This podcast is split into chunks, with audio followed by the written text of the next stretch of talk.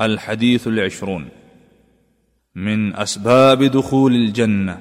جنة داخل دلو سببنا عن أبي أمامة الباهلي رضي الله عنه يقول سمعت رسول الله صلى الله عليه وسلم يخطب في حجة الوداع فقال اتقوا الله ربكم وصلوا خمسكم وصوموا شهركم وادوا زكاه اموالكم واطيعوا ذا امركم تدخلوا جنه ربكم د ابو امام الباهلی رضی الله عنه څخه روایت دی فرمای چې ما د نبی کریم صلی الله علیه وسلم څخه اوریدلی دی د حجۃ الوداع د خطبه او بیان په مهال چې هغه او فرمایل د خپل رب او پروردگار نه ویره کوي او د پنځول منځونو پابندي کوي او د رمضان د میاشتې روژه نیسئ او د خپلو مالونو زکات ورکوئ او د خپل مشر تابعداري کوئ نو تاسو به جنت ته داخل شئ د دې حدیث راوی ابي امامه رضی الله عنه مشهور صحابي دی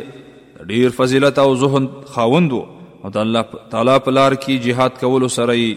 بېسارې مینه درلوده د بدر د غزا نه علاوه په نور ټولو غزاګانو کې د نبی کریم صلی الله علیه وسلم سره شریک شوی دی او د بدر د غزا په مهال د نبی کریم صلی الله علیه وسلم په امر باندې د خپلې بوډۍ مور د خدمت لپاره پاتې شوی او د نبی کریم صلی الله علیه وسلم د وفات نه وروسته بیا د خلفای راشدینو په زمانه کې هم په ډیرو اسلامی غزواتو کې شرکت کړی دی د دنه د احادیثو په کتابونو کې د نبی کریم صلی الله علیه وسلم 250 احادیث نقل دي او ابو امامه رضی الله عنه په شام کې اوسېدلو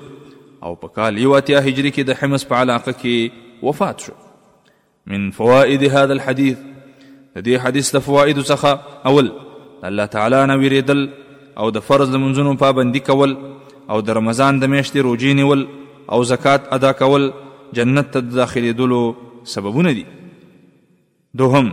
الله تعالی تابعداري کول او د هغه نه ویریدل او د هغه سره مینه کول او د هغه تعظیم کول او د هغه د نافرمانی نه ځان ساتل د تقوا وي د اسلامي امت د خلفا بادشاهانو او علماو تابعداري واجب ده چې کله د اسلامي تعلیماتو خلاف نه وي ځکه چې د مخلوق تابعداري په هغه صورت کې نشته کله چې د هغې د وجه نه د خالق نافرمانی لازمیږي